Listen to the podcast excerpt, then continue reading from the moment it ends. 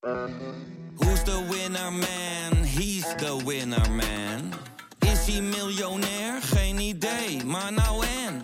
Je hebt geen jackpot nodig to be a winner man. Oh oké, dat is wel lekker man. Kijk, het gesprek begon ogenschijnlijk over het onrecht dat mensen wordt aangedaan als er zo'n vernietigende recensie wordt geschreven. En wat dat met mensen doet. Ja. Daar leek het gesprek over te gaan. Maar gaandeweg, en dat is dankzij goed redactiewerk van mijn eh, redacteur destijds, blijkt dat die test niet deugt. Via podimo.nl slash gonzo luister je de eerste 30 dagen gratis naar Podimo. podimo.nl slash gonzo. Dit is natuurlijk wel de, de, ja, de mooiste portefeuille heb ik. Ik zou het ook niet doen als men mij voor een andere portefeuille had gevraagd, had ik het niet gedaan. Ik doe dit ook echt, echt alleen maar voor cultuur. Dit is Betrouwbare Bronnen met Jaap Jansen.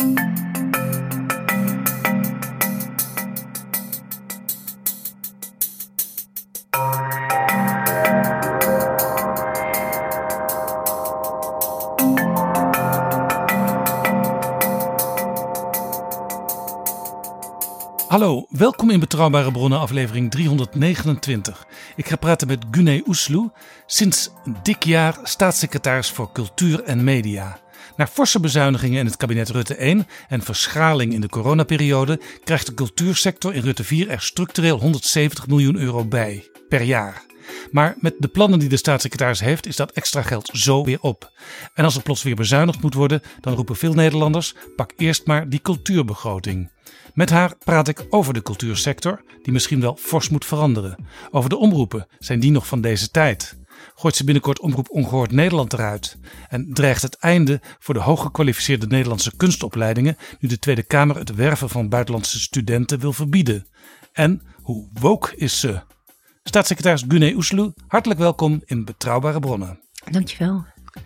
Maar eerst de nieuwe vrienden van de show. Dat zijn Angela, Marnix, Ralf, Maritza, Boyd, Ivo, Christophe en Paul. En er zijn ook nog losse donaties binnengekomen van Dirk-Jan, Gielt, Frank, Leon, Wouter en Heino. Alle nieuwe vrienden, zeer veel dank. Jullie maken nog veel meer mooie en interessante afleveringen van Betrouwbare Bronnen mogelijk. Wil jij ons ook steunen met een donatie? Ga dan naar vriendvandeshow.nl slash bb. Dit is Betrouwbare Bronnen. Nogmaals welkom Gunay Oesloe.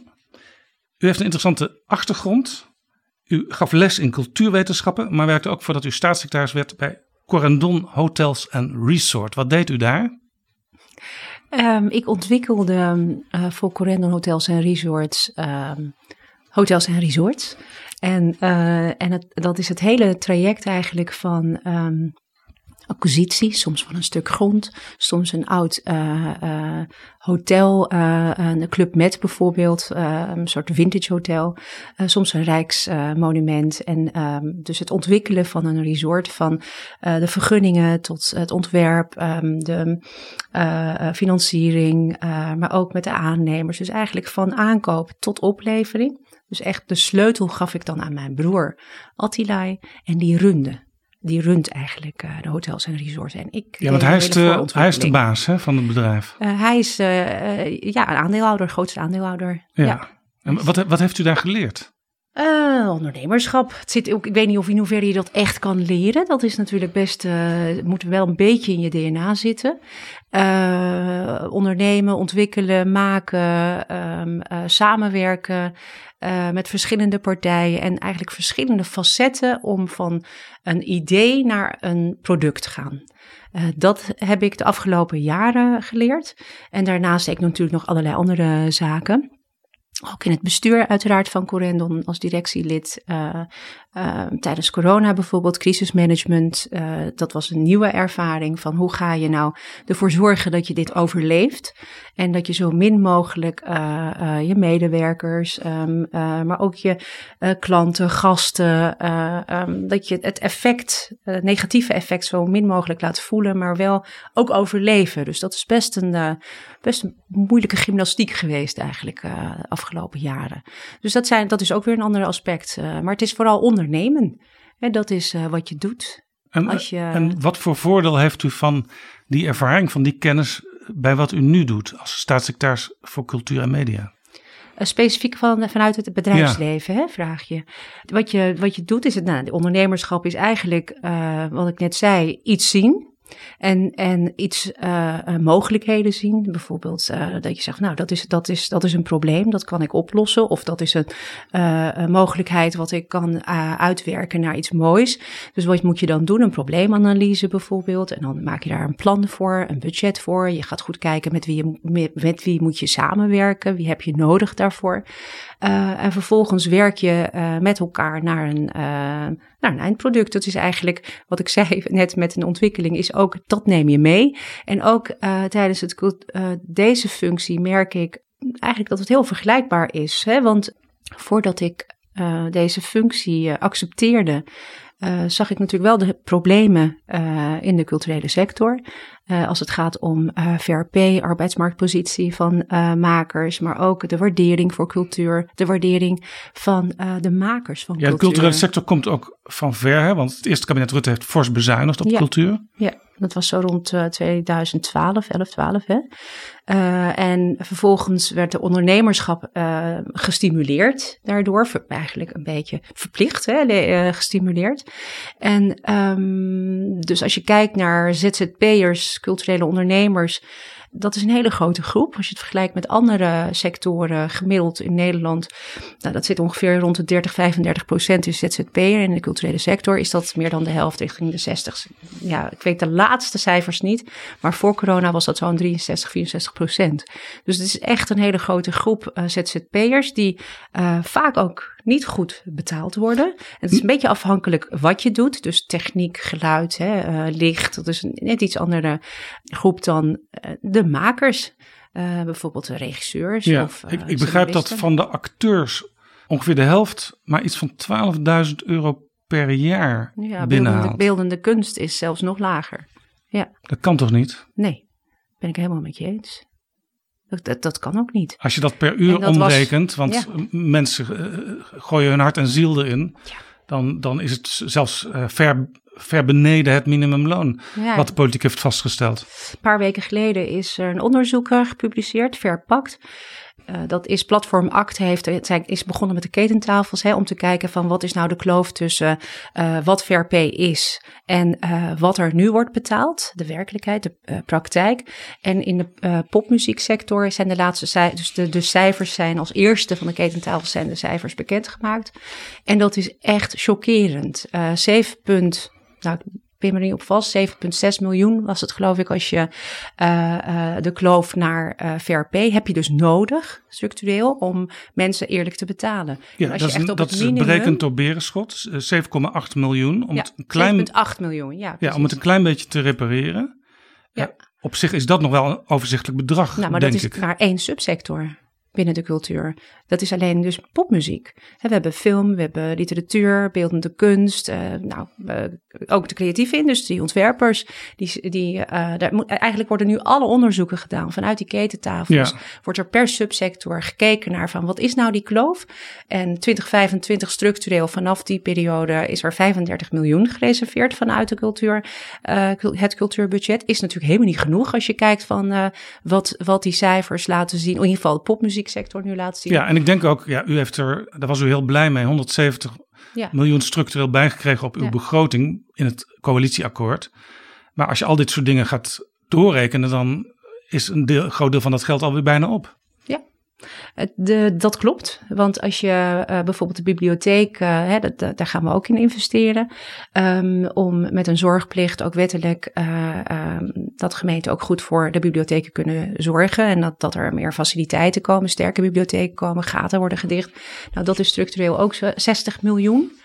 En de eh, makersregelingen die erbij zijn gekomen. En de regio. In de, eh, dus buiten de Randstad zijn verschillende creatieve hubs, muziek en eh, filmhubs, eh jongerenimpulsprogramma's. Nou, dan ben je er eigenlijk al. Nou, digitalisering is ook heel erg nodig, omdat dat nieuwe kansen biedt om op nieuwe, andere manieren te maken, maar ook te presenteren, maar ook publiek te betrekken bij, bij wat je maakt. Maar u vroeg net aan mij van uh, wat neemt u mee? Nou, dat is het ondernemen. Uh, en wat ik hoop te bereiken is, en uh, ik merk dat dat toch ook wel nu in ontwikkeling is, is dus verschillende samenwerkingen met andere departementen. Dat betekent dus als je samenwerkt met VWS, samenwerkt met um, ruimtelijke ordening, met Hugo de Jonge bijvoorbeeld, met gebiedsontwikkeling en woningen, en kunstenaars, cultuur en creatieve sector betrekt. Dan kun je in feite het budget ook vermeerderen. Dan kun je dus door die samenwerking, kun je natuurlijk ook meer voor elkaar krijgen. En ook uh, daardoor meer budget genereren. Nou, dat bedoel ik eigenlijk met uh, ondernemen. Dus ik hoop dat ik op die manier eigenlijk en de positie van kunst en cultuur kan versterken in, dus in de samenleving breed, maar ook meer budget.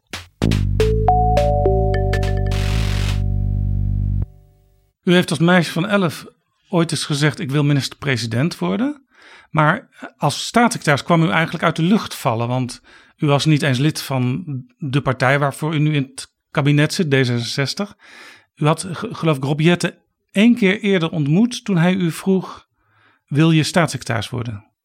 Ik was inderdaad niet lid. En uh, de ambitie om uh, de eerste vrouwelijke premier van Nederland te worden, uh, dat was de ambitie, omdat ik zag dat er veel um, nou, gewichtige mannen in het parlement um, allerlei beslissingen namen. En mijn moeder die zei, die beslissen over Nederland. Toen dacht ik, waar zijn de vrouwen?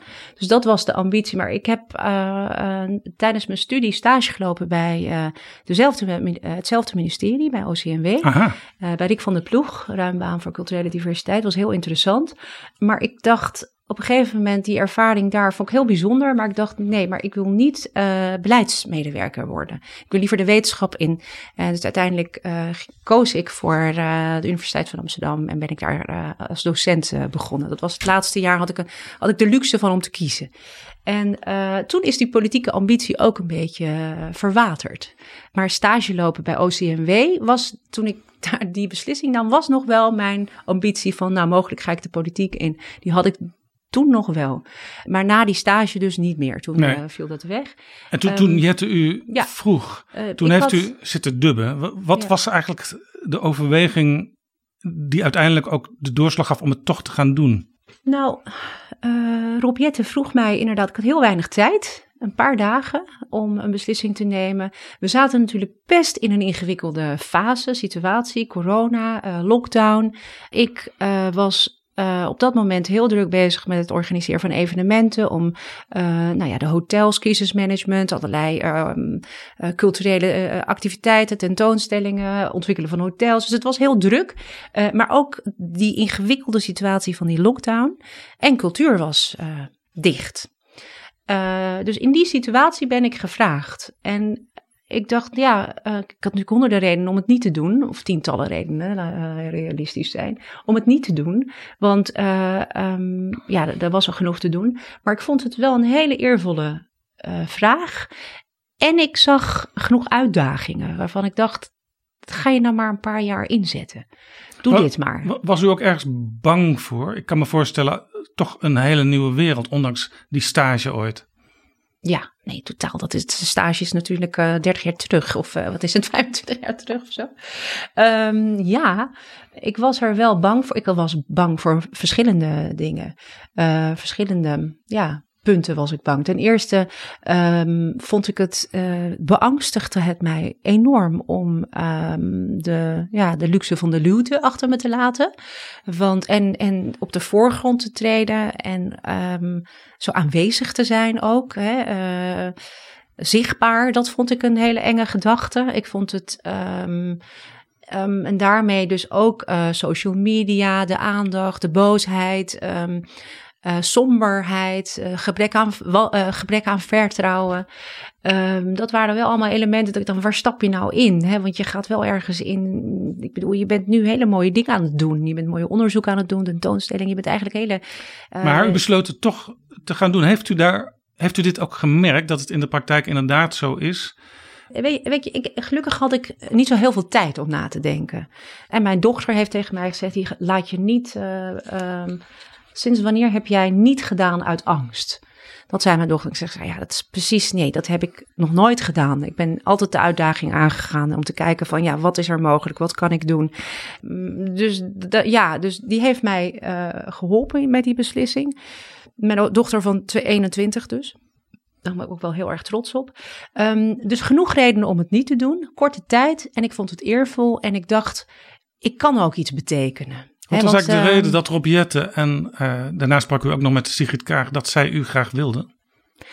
Zij vonden de combinatie eh, van een wetenschappelijke achtergrond in de cultuurgeschiedenis, eh, daarnaast ook maker in de culturele sector van tentoonstellingen en boeken, en die eh, ehm, eh, achtergrond in het bedrijfsleven, die, vond, die combinatie vonden zij eh, heel interessant. En ze hadden, eh, ik vul het natuurlijk een beetje in voor ze, maar ehm, zij vonden de combinatie vooral interessant omdat ook in de culturele sector eh, een ondernemende geest moest komen, die de sector goed zou, kennen. En nou ja, die dus eigenlijk mm, misschien ook wel verandering durft te ondernemen. Ja. zoiets, dat weet ik niet. Ik vul het in hè, voor ze. Maar ik heb wel begrepen dat die combinatie voor hem wel eh, heel interessant eh, was.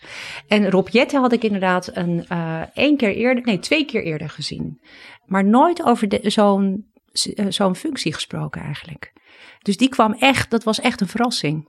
Nooit gedacht dat, dat, dat deze vraag zou worden gesteld.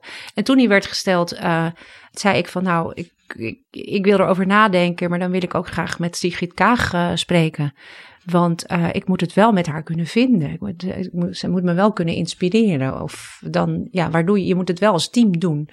En eh, dat was een heel mooi gesprek, heel interessant gesprek, waardoor ik echt het gevoel kreeg, ja, maar als jullie dit doen, dan doe ik dit dan doe ik mee.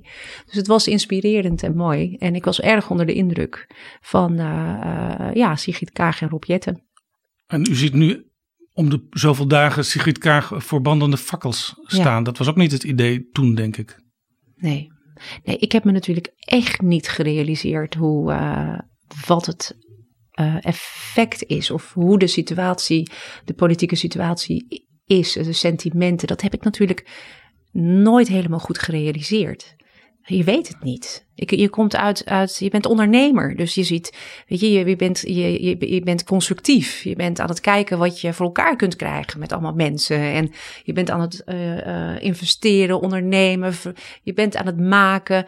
Eh, dus dat is een hele andere instelling dan ehm, ja, wat er vaak gebeurt hè, in, in, in deze hoedanigheid. En dan heb ik het niet over, ik denk dat ik echt de mooiste sector, eh, de culturele sector en media ook, hele verschillende, twee verschillende gebieden, hè?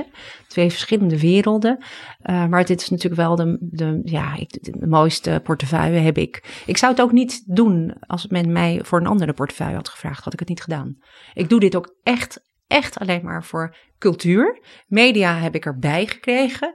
Media kende ik niet zo goed. Maar ik zie media ook onderdeel. Ja, het is natuurlijk een aparte, uh, aparte uh, wereld. Maar ook weer is er heel veel verwevenheid tussen deze twee ja. uh, gebieden, sectoren. En hoe was het in de Tweede Kamer toen u daar voor het eerst kwam? Ik, ik begreep dat u zich de eerste tijd wel wat onwennig voelde daar. Nou, ik moet je moet u eerlijk zeggen, ik vind het nog steeds onwennig. Het, is, het zal voor mij nooit heel natuurlijk uh, voelen, de Kamer. Um, uh, wat, is... wat wendt moeilijk? Nou, de Kamer heeft natuurlijk spelregels. En die spelregels, um, uh, die zijn mij niet helemaal eigen, denk ik. En een ondernemende geest zoekt altijd uh, de grenzen op en kijkt van wat is er dan nog meer mogelijk. Hè? Dit zijn de kaders, maar, maar wat is er mogelijk? Want die kaders zijn ontwikkeld door mensen. Dus, maar dat betekent ook, dus ook dat ze kunnen veranderen. Ik, ik vind, maar misschien komt dat ik het ook niet zo goed ken hè, nog. Um, uh, want zo vaak sta ik natuurlijk ook niet in de Kamer ja. uh, als andere. Ja, ik kan me voorstellen als je in het bedrijfsleven werkt en een leiding geeft dan roep je je team bijeen en dan vertel je wat ongeveer het idee is. En dan wordt daar commentaar op gegeven en dan eh, neem je een besluit.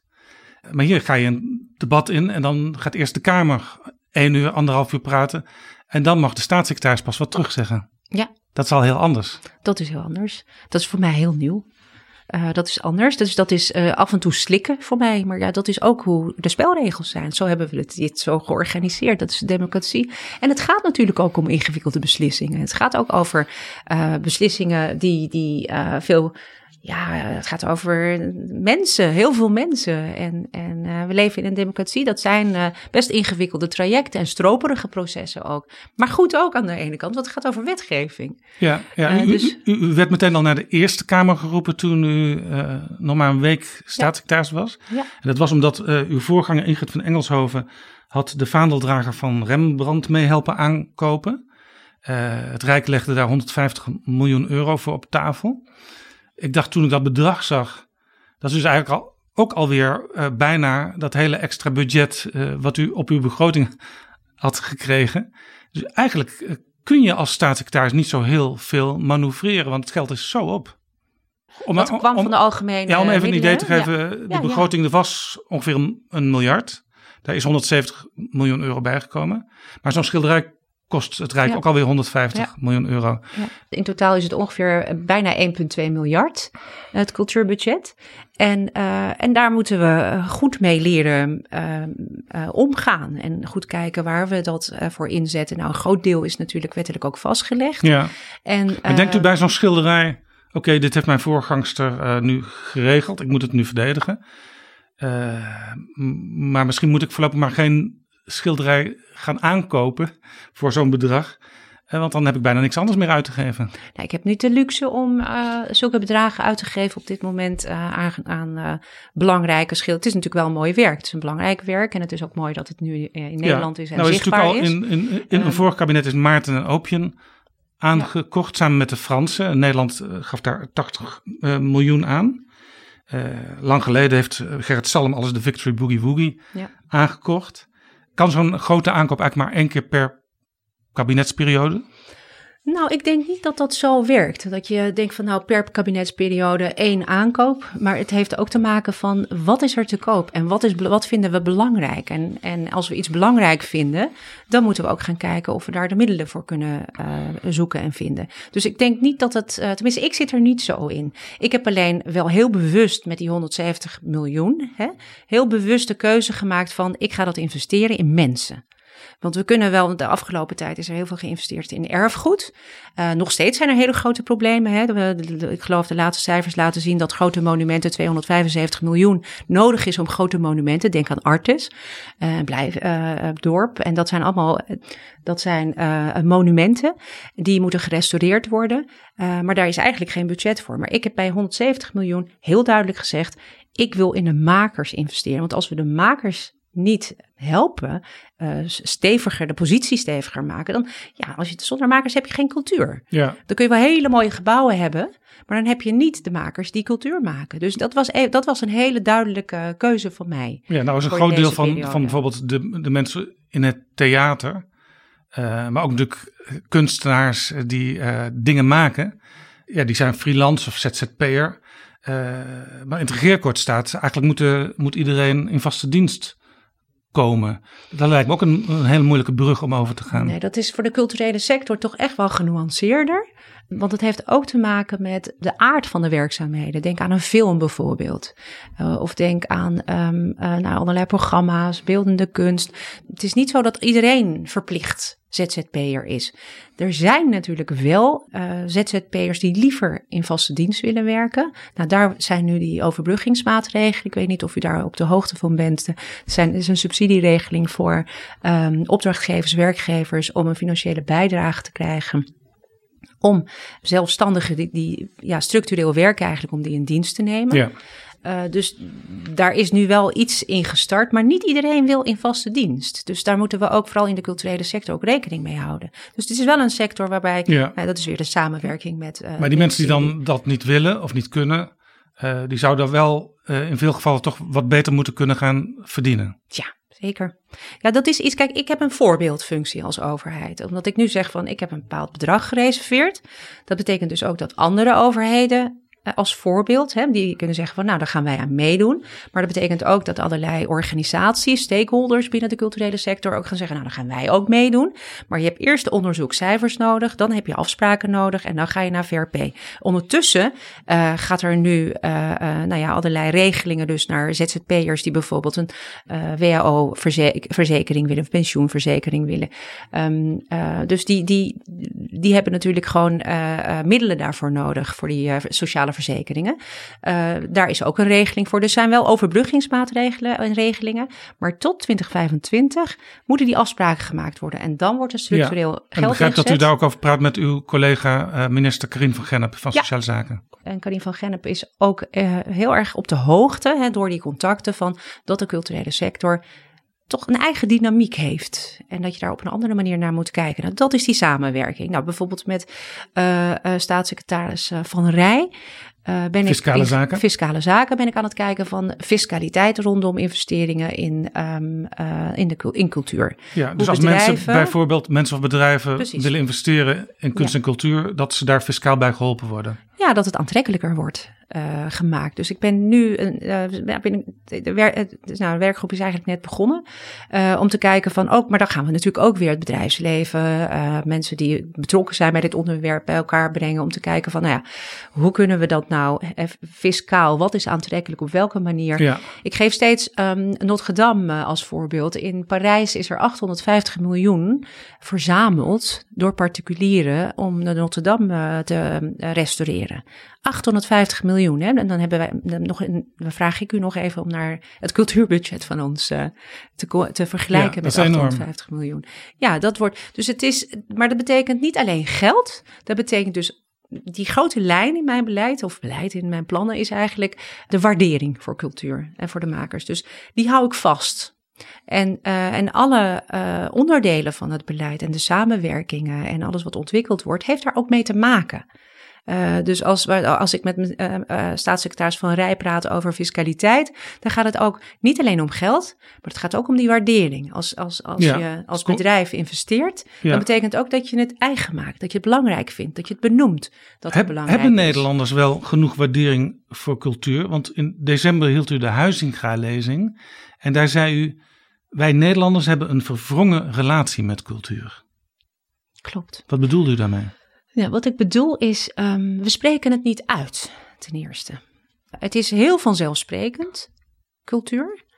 Maar we hebben een gekke relatie van, echt een vreemde relatie van, um, we kunnen er niet zoveel over zeggen. En als je, als je het niet uitspreekt, dan is het ook zo vanzelfsprekend dat het er ook dan, dan, dan is het er ook weer niet. Terwijl het er wel is in alles wat we doen. Nou, kijk naar films. Uh, een film, een boek, um, uh, fashion, hè, kleding, um, uh, maar ook de fanfare, een bloemencorso of tradities, cultuur ja, in het breedste overal, zin. Overal is cultuur, zou je overal, kunnen zeggen, maar wij, we staan er te weinig bij stil. Ja, we staan er weinig, weinig bij stil. We realiseren ons dat niet. We spreken het niet uit. Uh, uh, dus het gaat ook om bewustwording. Uh, dus de komende, ik heb maar heel weinig tijd natuurlijk uh, deze uh, periode. om drie jaar en drie maanden is het in totaal. Om vanwege de formatie wat zo lang natuurlijk heeft geduurd. Ja. Dus ik, in die drie jaar en drie maanden probeer ik ook een soort van een marketingbeweging. Ja, maar komt die houding van de Nederlanders, als ik even op de politiek focus, komt die misschien ook niet door wat Thorbecke ooit zei, ja. de, de grote grondwetschrijver, die zei kunst is geen regeringszaak. Ja, klopt. Dat heeft Thorbecke gezegd. En dat komt ook in die Huizinga-lezing. Probeer ik daar ook aandacht uh, aan te besteden. Maar van, u bent staat, staatssecretaris hij? voor de kunsten. Ja, dus, wat dus het, is blijkbaar, hij nou? het is blijkbaar toch een regeringszaak.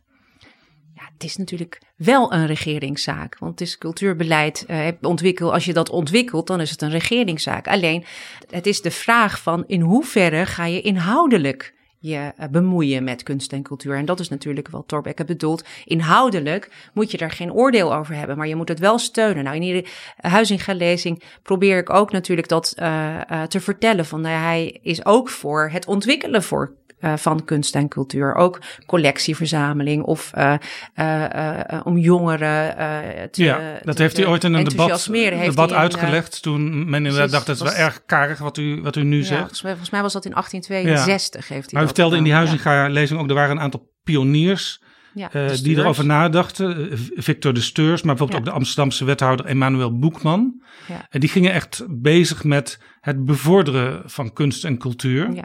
En dat is dus een veel, veel actiever houding van ja, heel de verschillend. Hè? De Steurs en eh, Boekman hadden natuurlijk een hele andere houding. Want de Steurs die ging over het, het nationaal besef en, en, en toch een natievormingsproces in van het Rijksmuseum is een nationaal museum. En wie zijn wij? Waar komen wij vandaan? En eh, die, die, die, die ging veel meer op de identiteit en een nationaal gevoel. En Boekman die ging veel meer in op participatie en Ja. educatie. Maar nou is dat, zeg maar, dat dilemma van ehm, de overheid wil bevorderen, maar wil eigenlijk niet oordelen.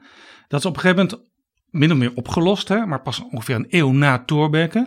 eh, door bijvoorbeeld de Raad van Cultuur als onafhankelijke instelling neer te zetten en ook allerlei fondsen. Ja, commissies.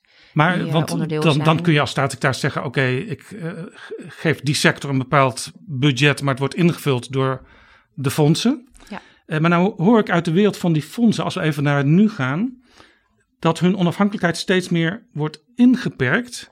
Iemand vertelde mij: we moeten van alles voorleggen aan ambtenaren de hele tijd. Is dat niet, is dat niet iets wat u zich zou moeten aantrekken? Die fondsen hebben dus het idee: wij kunnen te weinig zelf beslissen.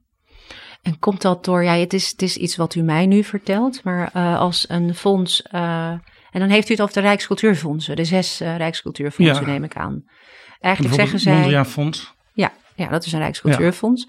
Eh, en als u zegt van, ze moeten natuurlijk wel een eigen eh, onafhankelijkheid, eh, dat is heel erg belangrijk. Dat is nou precies waar het over gaat natuurlijk.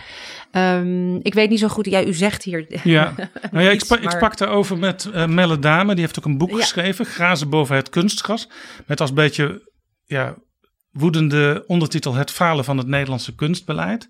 En hij vertelde mij, ja, er, wordt, er moet steeds met, met ambtenaren worden gesproken. eh, zowel in Den Haag als Ik ben wel benieuwd hoor naar welke gesprekken er worden gevoerd. En uiteindelijk heeft natuurlijk eh, eh, zo'n Rijkscultuurfonds zijn eigen, te- een eigen terrein, een eigen budget en een eigen beleid. Maar dat zijn natuurlijk wel, eh, dat beleid moet natuurlijk corresponderen, communiceren met het overheidsbeleid. Want het is een Rijkscultuurfonds.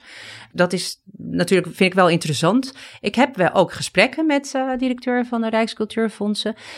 Waar denk ik, waar we, eh, we zijn ook een traject ingestapt. eh, want is dat eh BIS, hè, basisinfrastructuur, het cultuurbestel, hoe er subsidie wordt gegeven, de aanvragen, dat is best stroperig, dat duurt heel lang. Hè, van, eh, ehm, eh, daar, wordt, daar is heel veel kritiek op.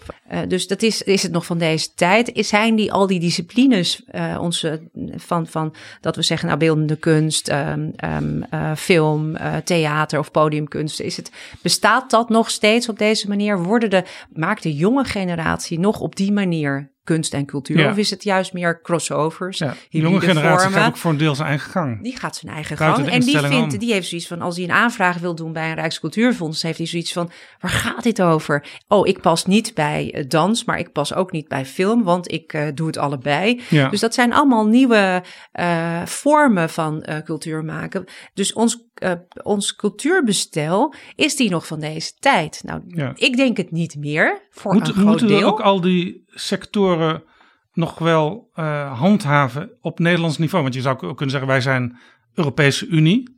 Misschien is het wel net iets te veel gevraagd om in Nederland en opera en ballet en film op het hoogste niveau te hebben.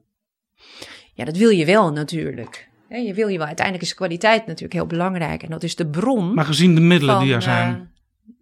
nou ja, waar we nu, je gaat heel, eh, eigenlijk heel inhoudelijk nu eh, over het cultuurbeleid hebben, vind ik wel heel leuk.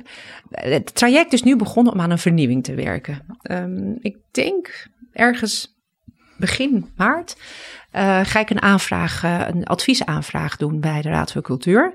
Eh, het is een open vraag. Ik ben met verschillende eh, mensen uit de culturele sector in gesprek over, oké, wat loopt er wel, wat loopt er niet? Wat zie je voor uh, ontwikkelingen, uh, maatschappelijke ontwikkelingen en waar is behoefte aan? Dus, met bestuurders, met het veld ben ik in gesprek. En die adviesaanvraag ben ik nu aan het formuleren. Die gaat naar de Raad voor Cultuur. Vervolgens komt er aan het einde van dit jaar, najaar, komt er een advies van de Raad voor Cultuur, die in co-creatie met het veld een advies gaat uitbrengen over een nieuw bestel. Nou, dat is best spannend, want dat betekent dus dat we het huidige bestel gaan veranderen. Uh, en in de raad gaan kijken. Raad, raad voor Cultuur gaat natuurlijk nooit echt iets afschaffen, want daar zitten ook allerlei belangetjes in vertegenwoordigd. Um, nou, daar wil ik niet van uitgaan. Afschaffen, het is een andere manier, uh, denk ik, van inrichten. Je, je, gaat natuurlijk niet zeggen van nou, een bepaalde discipline gaan we afschaffen. Dat is er niet. Maar dus, het is wel zo dat het veel meer interdisciplinair is op dit moment. Nou ja, je zou je kunnen ook af, kunnen afvragen. Uh, elk jaar komen er iets van 4000 studenten van alle kunstopleidingen. Uh, is daar wel genoeg werk voor te vinden? Nou, ik denk het wel eigenlijk. Als ik kijk naar. Uh, maar of iedereen evenveel hetzelfde, zeg maar, de, de, uh, laat het staan, werk kan doen. Waar laat je staan de beloning waar u voor knokt. Ja. ja. maar daar gaan we toch aan werken. Daar zijn we nu mee bezig om uh, daar iets aan te doen. En, um, maar het blijft natuurlijk wel, het geld blijft schaars. Maar moet je dan zeggen, ga je disciplines uh, um, afschaffen? Of moet je, hè, dat is uw vraag. Uh, dat zou ik niet doen, maar je kan wel kijken van, moet je minder bijvoorbeeld, hè, dat, ik vul het nu in, maar de Raad voor Cultuur moet ons adviseren. Um, moet je minder aanbod creëren? Moet je gaan kijken dat je meer de verdieping ingaat? Moet je uh, op een andere manier produceren? Dus het is, daar gaat het vooral om. En hoe kun je ervoor zorgen dat niet alles geconcentreerd in de Randstad is, maar ook uh, buiten de Randstad? Uh, uh, moeten we er niet voor zorgen dat eigenlijk verhalen uit die gebieden ook veel meer een plek krijgen? Nou, dat, dat is iets, een, dat is een expeditie waar ik in uh, ben gegaan. Ja. Ik heb vaker wel, ik heb wel altijd, nou ja, de afgelopen, het afgelopen jaar is mij wel gezegd van nou, uh, dit zijn wel ingewikkelde trajecten. Vernieuwen van een uh, cultuurbestel. Het uh, vernieuwen van um, nou ja, de, de, de, de criteria van de, de landelijke, landelijke publieke omroep bijvoorbeeld. Dat we daar ook de mediawet weer gaan wijzigen. Dat zijn allemaal ingewikkelde trajecten. Um, maar ook bijvoorbeeld investeren in fair pay. Ook ingewikkeld. Je kan het niet helemaal oplossen in deze korte periode. Maar ik heb wel zoiets van ja, ik wil wel iets gaan een verandering, uh, in ieder geval starten met die verandering en dan, dan iets, iets laten rollen. Uh, dat, daar, ja, dat is natuurlijk ja. wat ik wel wil. Ja. Even iets anders, we hadden het net over kunstopleidingen. Op de kunstopleiding zitten heel veel internationale studenten. Nou is onlangs uh, vanuit de Tweede Kamer gezegd... hoger onderwijsinstellingen die zouden niet meer moeten werven voor internationale studenten. Maar als je dat op de kunstopleidingen betrekt, dan zou dat rampzalig zijn. Heeft u zich hiermee bemoeid, of misschien bemoeit u zich op dit moment mee, richting uw collega Robert Dijkgraaf, de, de minister van Hoger Onderwijs? Ja, we gaan uh, uh, heel toevallig, want dit is natuurlijk heel actueel. Heel toevallig heb ik uh, met hem een gesprek hierover. Om te kijken van wat is dan het effect op, um, op de kunstopleidingen. Ja. Wat, wat houdt dit in? Want de kunstopleidingen in Nederland staan hoog ja. aangeschreven. Ja, er komen heel veel jongeren van uit de hele wereld naartoe. Ja. Uh, maar ja, dat zou wel eens gestremd kunnen worden ja. als je daar niet nee, meer voor mag scherp. werven. Scherp van u. Ja, dat is wel iets. Uh, ik heb het nog niet expliciet dus nog besproken, maar het is wel iets, een actueel onderwerp waar ik met Robert Dijkgraaf over ga hebben.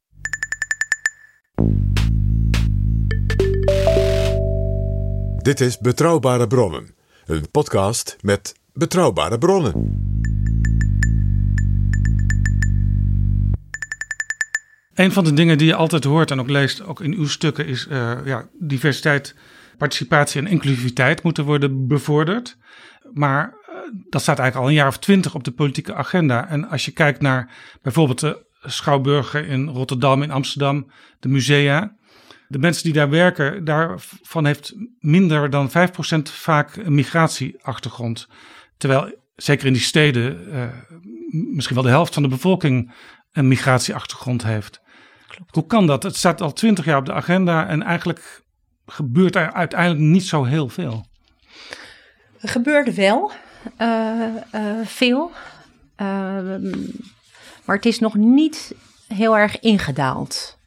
Ik vertelde u net uh, dat ik 23 jaar geleden, ik zal ik heb net even uitgerekend, 24 jaar geleden stage liep en uh, dus aan de nota werkte. Uh, ruim baan voor culturele diversiteit. Ja, bij staatssecretaris Rick van der Ploeg. Ja, dus het, inderdaad is het langer dan 20 jaar, is dat een, een agendapunt. Um, maar ik zie wel nu als je, kijk, het, zit hem in verschillende uh, elementen. Hè. Het zit hem bijvoorbeeld in de basisinfrastructuur die we nu aan het veranderen zijn. Uh, er komen allemaal vinkjes bij, maar het, het, zit eigenlijk een beetje, iedereen zit een beetje vast aan dat systeem, dus we, moeten dat losser maken. En als je het losser maakt, maak je het ook toegankelijker. Het heeft echt met toegankelijkheid te maken, diversiteit. Dus dat die, die opening vinden, dat je, dat je de taal spreekt van zo'n aanvraag, dat je in contact komt met mensen die uh, bij een Rijkscultuurfonds zitten, of dat je uh, door het maken van tentoonstellingen, door het anders programmeren in contact komt. Dus het is, het is veel, heel genuanceerd en gefaseerd en, en vrij complex uh, onderwerp uh, die u nu aanboort. Maar ik denk wel, de jongere generatie is divers. Die er nu aankomt, is divers en die ja. stuit tegen muren. Hè? Ja, want je ziet het dus nog niet. Ja, als je, ziet gewoon het nog niet goed in de organisaties. Een willekeurig ja. museum binnenloopt, dan zie je het nog niet in de mensen die daar de lakens uitdelen dat klopt. Ik, ik kan een mooi voorbeeld geven. Want ik vind dat dit ook een probleem is, hè, waar, waar ik natuurlijk op allerlei manieren aan werk. Um, um, maar ook bijvoorbeeld door de bibliotheken. Dat is de meest laagdrempelige plek waar je met kunst en cultuur in aanmerking of in aanraking komt. Uh, bijvoorbeeld, er was bij een tentoonstelling voor MBO-studenten en. Um, uh, en ik liep mee uh, een museumdocent die vertelde over uh, de, de prachtige uh, schilderijen die daar, die daar um, hangen aan de muren. En één schilderij, um, um, dat vond, vond, vond een groot deel van de studenten heel erg confronterend, omdat daar een zwarte jongen te zien was. En, en, en de achtergrond was een plantage, opgeving en... En ik vond het heel interessant wat voor discussie daar uh, ontstond. Van nou, moet je dat schilderij nou daar, moet je, die, uh, uh, moet je die daar wel hangen? Of haal je hem weg? Of waar hangt dat schilderij nou? Is het een prominente plek of is het een gang? Of is het. Dat zijn allemaal discussies die je dan met, met die studenten ja, hebt. Eigenlijk vergelijkbaar en, met die discussie in Leiden over ja. dat schilderij van het oude bestuur van een hele tijd geleden. Rijndol. Allemaal ja. oudere mannen, blanke mannen die flink aan het roken waren. Ja. Uh, het is natuurlijk wel een interessante, dat is een interessante discussie. En daar, dat doet kunst en cultuur. Hè? Dat laat je gewoon discussiëren, debatteren, met elkaar, met elkaar in gesprek te gaan. Je hoeft het niet eens te zijn met elkaar. Maar doordat de samenleving zo aan het veranderen is, uh, is het ook zo dat we weer anders kijken naar allerlei schilderijen en allerlei afbeeldingen. En, en die opening van die discussie, die is interessant. Um, dus dat, dat, dat schilderij van uh, Rijndol is natuurlijk heel interessant, omdat uh, wat ga je daarmee doen? Ga je het nou weghalen of ga je het juist wel ophangen en in context plaatsen? Ga je er een, een nieuw schilderij naast hangen met allemaal vrouwen? Uh, wat ga je daarmee doen? Ja, en die discussie is interessant. Het leek even in, in het begin dat het schilderij volledig gecanceld zou worden, gewoon zou verdwijnen. Ja, dat, dat was eventjes de eerste paar dagen.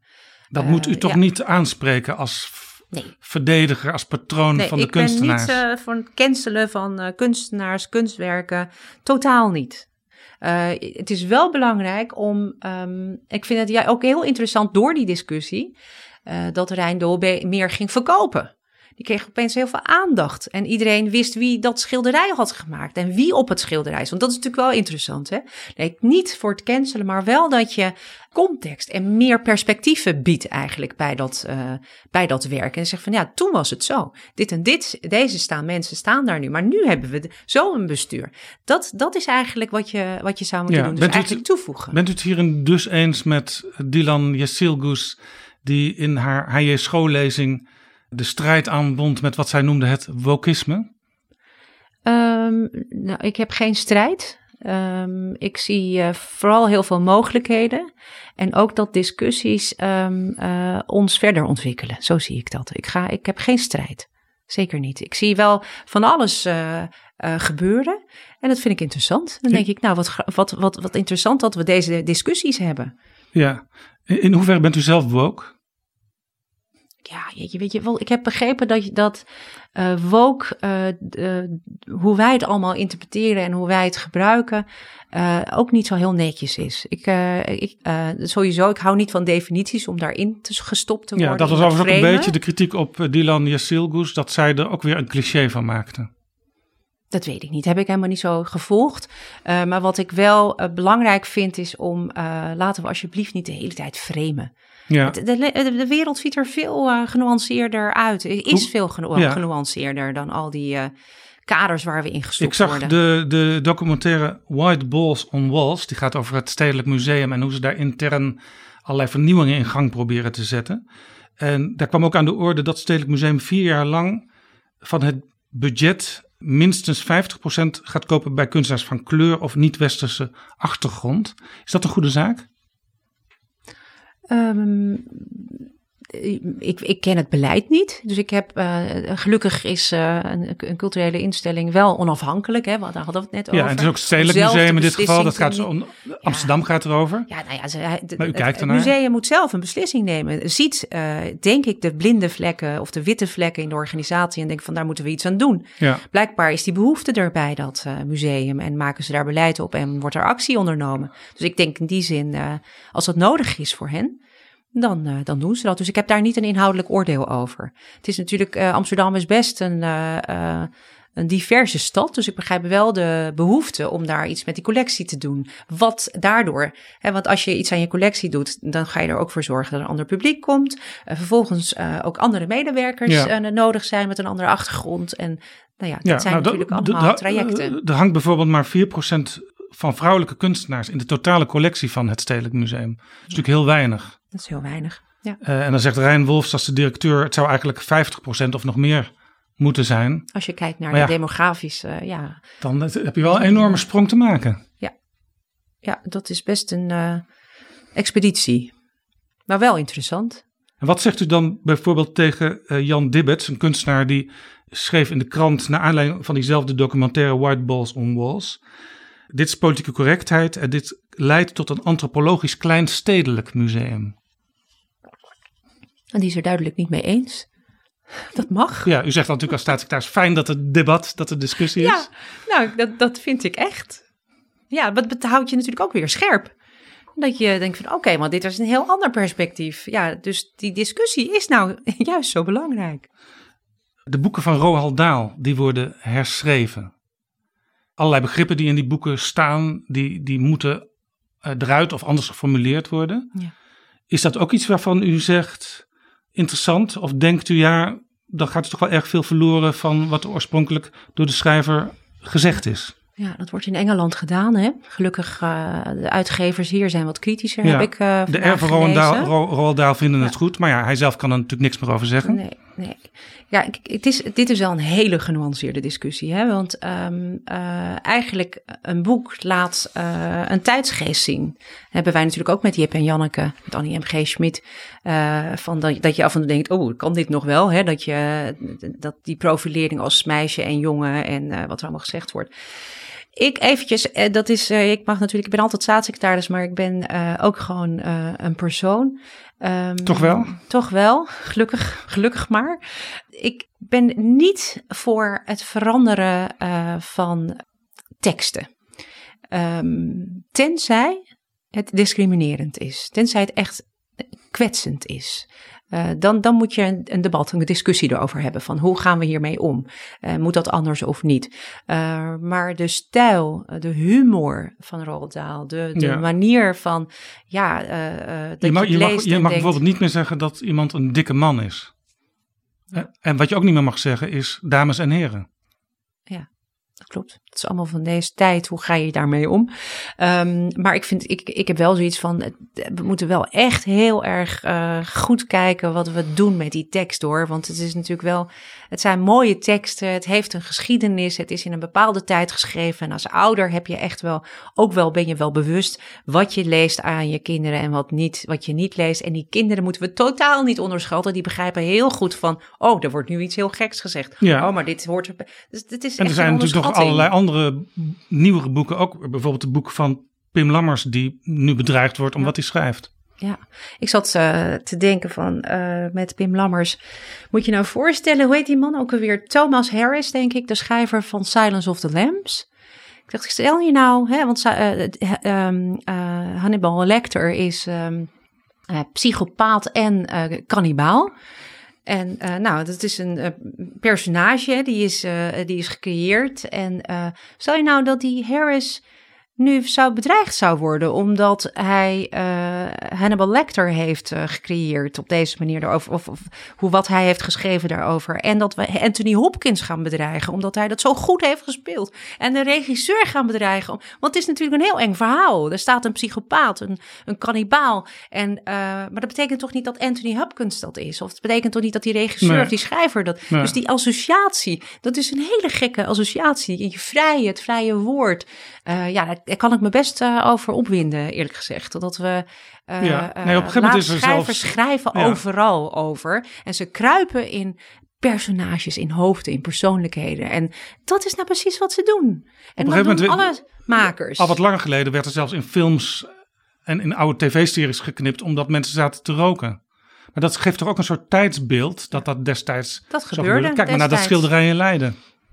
Ja, dat gebeurt. Dus het is in context plaatsen en niet uh, censureren, wegknippen, maar juist vertellen hoe dat is gebeurd. Er moet iets komen waarbij we eigenlijk uh, en het van deze tijd wordt, maar ook de context, zeg maar, context en het verhaal van destijds, de zeitgeist eigenlijk, ook nog benoemen.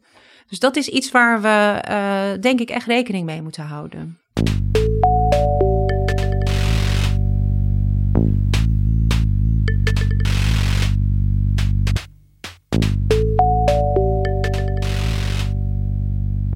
Even een heel andere vraag. Ik weet dat het lastig is voor u om daar iets over te zeggen, want dat loopt allemaal nog. U heeft al verschillende lastige vragen maar, gesteld. Maar dus, uh... u houdt niet van wij-zij-denken, heeft u al vaker gezegd.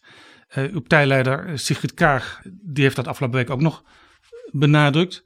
Maar er is één omroep, Ongehoord Nederland, de ombudsman die toeziet op de NPO, die zegt, die omroep die bevordert dat. En eh, ze bedienen zich ook nog stelselmatig van nepnieuws. Nou zijn er al trajecten in gang gezet dat mensen daarop aangesproken worden, dat uh, prestatoren trainingen krijgen en zo. Maar er loopt nu al een derde klacht naar Ongehoord Nederland. Als die doorgezet wordt, dan kan op een gegeven moment bij u ook de vraag komen: moet die omroep nog wel doorgaan? Dat kan. De mediawet uh, zegt dat, hè? dat kan. Dat er een voorstel bij, bij mij komt. Um, en hè, met betrekking tot de licentie. Vanuit de Kamer, bijvoorbeeld uw eigen partij, zwelt zelfs de roep nu al aan. Doe dat. Uh, zet die omroep uit het bestel. Ja. De, ja, ik voel ook de druk vanuit de Kamer. Maar ik probeer echt rustig te blijven in deze kwestie. Het is echt belangrijk dat. Uh, het is nou ja, ik heb het al eerder ook gezegd, ik kan er ook niet meer over zeggen. Het is, het is natuurlijk, het is niet voor niets zo georganiseerd dat Den Haag op afstand van Hilversum is. Of ja. um, van media is. Hè? Ook een beetje het is, het is, dit, naar analogie van Thorbecke. Het is toch echt niet de bedoeling dat een politicus uh, hier uitspraken over doet of hierin handelt. Het is echt een hele ingewikkelde kwestie. Uh, maar goed, de mediawet uh, die schrijft voor, onder deze omstandigheden zou het kunnen dat. En als dat gebeurt, dan moeten we echt extreem zorgvuldig handelen. Want het is, het is wat. Ik vind het echt wel een soort laatste, laatste, uiterste middel. Ik vind het echt uh, een lastig onderwerp. Ja, nou, we, we, we, wachten dat af. U heeft een commissie aan de gang gezet onder leiding van Pieter van Geel om de hele publieke omroepers door te lichten. Dus ook daar kunt u niet al te veel over zeggen. Uh, maar als ik naar de publieke omroep kijk, dan zie ik altijd tegenstrijdigheden die je eigenlijk niet kunt combineren. Ze moeten zich profileren, die omroepen, maar ze moeten ook samenwerken. Ze moeten een groot publiek bereiken, maar ze moeten ook zich richten op specifieke doelgroepen. En als ik dan af en toe een beetje zep tussen de NPO en SBS en RTL en zo, zie ik ook heel veel reclame. En ik zie ook heel veel programma's ja, die, die op al die zenders zouden kunnen, die helemaal niet specifiek volgens mij voor een publieke omroep zijn. Hoe, hoe kijkt u daar tegenaan? Misschien ook als consument? Ik ben geen grote televisiekijker. Uh, maar ik probeer uh, nu uh, eigenlijk sinds ruim een jaar dus wel regelmatig te kijken. Ik krijg ook heel veel mee. het is ook ingewikkeld. Het is ingewikkeld om mee te gaan in de tijd, om zichtbaar te zijn, om, om, om, om ook gehoord en gezien te worden. en aan de andere kant kwalitatieve mooie programma's te maken vanuit een externe pluriformiteit, vanuit die omroepen. Dus eigenlijk is het wel een heel mooi systeem, maar het is ook een uitdagend systeem. En we hebben natuurlijk ook nog de van ja hoe, kun je ervoor Wat is die maatschappelijke worteling dan? Hè, wat uh, in de mediawet staat, want dat is een van de voorwaarden om toegelaten te worden. Wat is nou die maatschappelijke worteling? En in deze tijd kun je dat nog op die manier definiëren. En, en nou ja, dat is natuurlijk best een best, best, best taaie onderwerp. Ja, nou, er is bijvoorbeeld één onderroep, de AVRO, dus tegenwoordig AVRO-TROS. Die bestaat in juli 100 jaar. Er is in Nederland bijna geen geen organisatie of bedrijf uh, wat 100 jaar bestaat. Ja. Dus het is, dan snap je ook eigenlijk ook hoe belangrijk dit en hoe gevoelig en hoeveel belangen ook er zijn hè, bij verschillende. Uh, want is, kijk, de media was voor mij nieuw, uh, maar ik zie wel echt verschillende belangen, verschillende ideeën. Het is heel complex. Het is natuurlijk uh, vanuit de verzuiling ontstaan. En die verzuiling is nu toch ja, een andere, andere periode ingegaan. Maar je merkt nog steeds wel um, um, nou, dat die externe pluriformiteit heel belangrijk is. Uh, aan de andere kant, de commissie van Geel is natuurlijk nu ja. uh, aan het kijken van hoe uh, een beoordelingssystematiek, maar ook welke criteria kunnen gehanteerd worden om in te stromen en vervolgens ook de mogelijkheid om uit te kunnen stromen. Dus er wordt echt wel nu heel intensief gekeken naar, naar het bestel en um, um, wat er gemoderniseerd kan worden, wat er hervormd kan worden in het bestel. Nou, ja. voor de zomer krijg ik daar een advies uh, in. Vindt u niet dat er, want daar gaat u ook over, als je naar de 15-jarigen in Nederland kijkt, bijna de helft daarvan vindt lezen tijdverspilling. We hadden een boekenprogramma, Brommer op Zee. Maar dat is net als alle andere boekenprogramma's in de loop van de uh, televisiegeschiedenis verdwenen. Vindt u niet dat er gewoon altijd zo'n programma zou moeten zijn? Daar is wel, uh, nu zijn er gesprekken over, hè, van uh, of het wel doorgaat. Uh, op ja, maar die makers die hadden op een gegeven moment gezegd, nee, nou ja, het wordt opgegeven, wij kijk, stoppen ermee. wat mij betreft, ik mag natuurlijk helemaal niet zo, de NPO is onafhankelijk. Ik ga ja. niet tegen NPO zeggen, Nee, maar u kunt toch wel zeggen, tenminste, daar ja, zou aandacht aan moeten worden Het staat ook in de mediawet dat cultuur een belangrijk aspect is van, uh, in, van de pro programmering.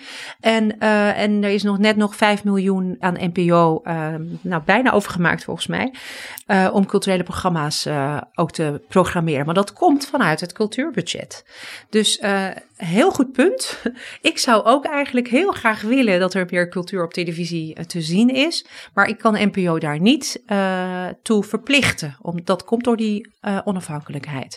Maar ik zei, ik mis, nou ja, ik ben eigenlijk wel met u, ik ga heel goed met u mee, laat ik zo zeggen, dat cultuur heel erg belangrijk is. Een boekenprogramma, muziekprogramma en een belangrijk onderdeel moet zijn van de programmering. Ja, er staan ook twee musea nog op uw lijst om de komende periode te bevorderen. Het Slavernijmuseum.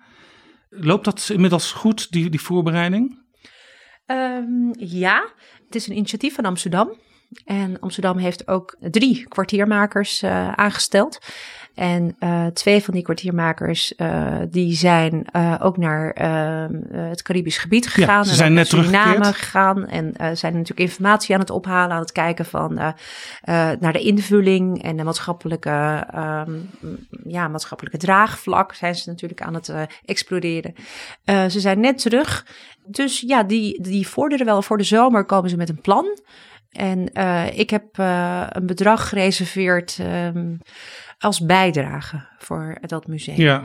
Dus dat loopt, maar dat is natuurlijk wel een initiatief dat al jaren aan de gang is en, en gerijpt is inmiddels. Ja, er is nog een ander museum wat ook nog op het, uw lijstje staat, althans ja, in het coalitieakkoord. Nationaal Historisch Museum. Nationaal Historisch Museum, dat is natuurlijk een discussie van al langer geleden, die is destijds vastgelopen. Heeft u een idee hoe u dat weer aan het rollen Ja, krijgt? dat, daar ben ik eigenlijk nu heel druk mee bezig. Uh, we zijn bezig. Ik ben bezig met een verkenning met een team. Um, van uh, wat leeft er nou? Welke behoefte is er nou? Is er uh, behoefte aan uh, meer digitaal? fysiek is belangrijk. Um, aan de andere kant um, wordt er gekeken, wordt er gesproken met jongeren. Welke behoeften hebben jongeren? En van als er een fysiek museum zou komen, waar zou die dan kunnen komen? Dat is dus een verkenning die nu, ja, waar ik heel druk mee bezig ben. En, en ik hoop dat ik daar in de loop van dit jaar wel wat met concrete informatie ga komen. Dus dat, dat museum dat gaat er komen? Ja, dat heeft natuurlijk. Kijk, het, het Slavernijmuseum uh, heeft een geschiedenis van zo'n zes, zeven jaar ja. uit mijn hoofd. En, um, en het Nationaal, Nationaal Historisch Museum heeft ook een geschiedenis, maar die is op een gegeven moment gestopt. En uh, daar is een locatie, een, een onderdeel van het uh, Openluchtmuseum, uh, besteedt daar aandacht aan. Maar dat hele, het fysieke gebouw en hoe het in, wat voor invulling het zou krijgen. Dus die discussie, wanneer was dat, uh, 10, 11, 12 jaar terug denk ik, was die discussie rondom het Nationaal Historisch Museum. En, en de vraag nu is, wat je als je een beetje inleest in de materie van, is er ja, gaat het om uh, historisch besef? Gaat het echt om wat ga je dan precies vertellen in dat museum? Nou, dat wordt nu opgepakt om te kijken van leeft het nou? Op welke manier leeft het dan? Wat voor behoeftes zijn er? En wat wil de jeugd? Dus ook met het moderniseren van bijvoorbeeld het cultuurbestel, dan moeten we ook iets ontwikkelen voor na 2029. Niet kijken naar van nu, wat nu de situatie is, maar over wat is het? Vijf jaar, zes jaar, nog langer nog, denk ik, zeven jaar, zes jaar later. Hoe is de situatie dan? Helemaal tot slot. Ja. Als je Nederlanders vraagt waarop kan bezuinigd worden, dan noemen ze altijd twee dingen. Die staan bovenaan de lijst: ontwikkelingssamenwerking en cultuur. Maar ik begrijp dat u uw collega's uit het kabinet regelmatig meeneemt naar het theater, of misschien naar een museum. Is dat ook een manier om in ieder geval de mensen in uw directe omgeving ervan overtuigen? Ga niet bezuinigen op cultuur. Uh, ik denk niet dat je moet bezuinigen op cultuur. En ik kan me ook niet voorstellen uh, dat dat een goed idee is. En um, uh, dus daar ga ik niet van uit. En, uh, en mijn taak, mijn doel is om vooral iedereen, zoveel mogelijk mensen te laten weten, te laten voelen hoe belangrijk cultuur is. En, um, en dat we het zonder cultuur, kijk maar naar corona periode dat we dan vereenzamen, verschalen en, uh, en met cultuur. Dat is goed voor je mentale gezondheid. Het is belangrijk als je woningen ontwikkelt, dat je mensen er meekrijgt, dat mensen zich uh, die plekken ook eigen maken, herkennen, dat je erfgoed er onderdeel van maakt. Dat je dus in alle facetten en overal in ons leven is cultuur onderdeel van. En dus bezuinigen op cultuur is ja, een heel slecht plan. En, uh, en waarom ik met iedereen, uh, of iedereen, zoveel mogelijk mensen naar cultuur ga, is om ten eerste uh, ja, dat te laten voelen. Maar aan de andere kant Ja. is het kabinet reageert ook heel Nou, erg nou, ga- enthousiast. nou gaat het natuurlijk ook niet gebeuren in deze periode. Laten we daarvan uitgaan, bezuinigen op cultuur. Maar als het toch aan de orde zou zijn, is dat dan voor u een halszaak? Ja, daar, daar ga ik heel oprecht in zijn. Eh, voor mij eh, ja, is dat, is dat echt wel een heel ingewikkeld onderwerp. Ja. Dan, eh, dat maakt u niet mee. Ehm, nee, in principe niet. Nee, daar ga ik niet, eh, daar ga ik niet van uit. Ik moet nu echt weg. Dank u wel voor dit gesprek.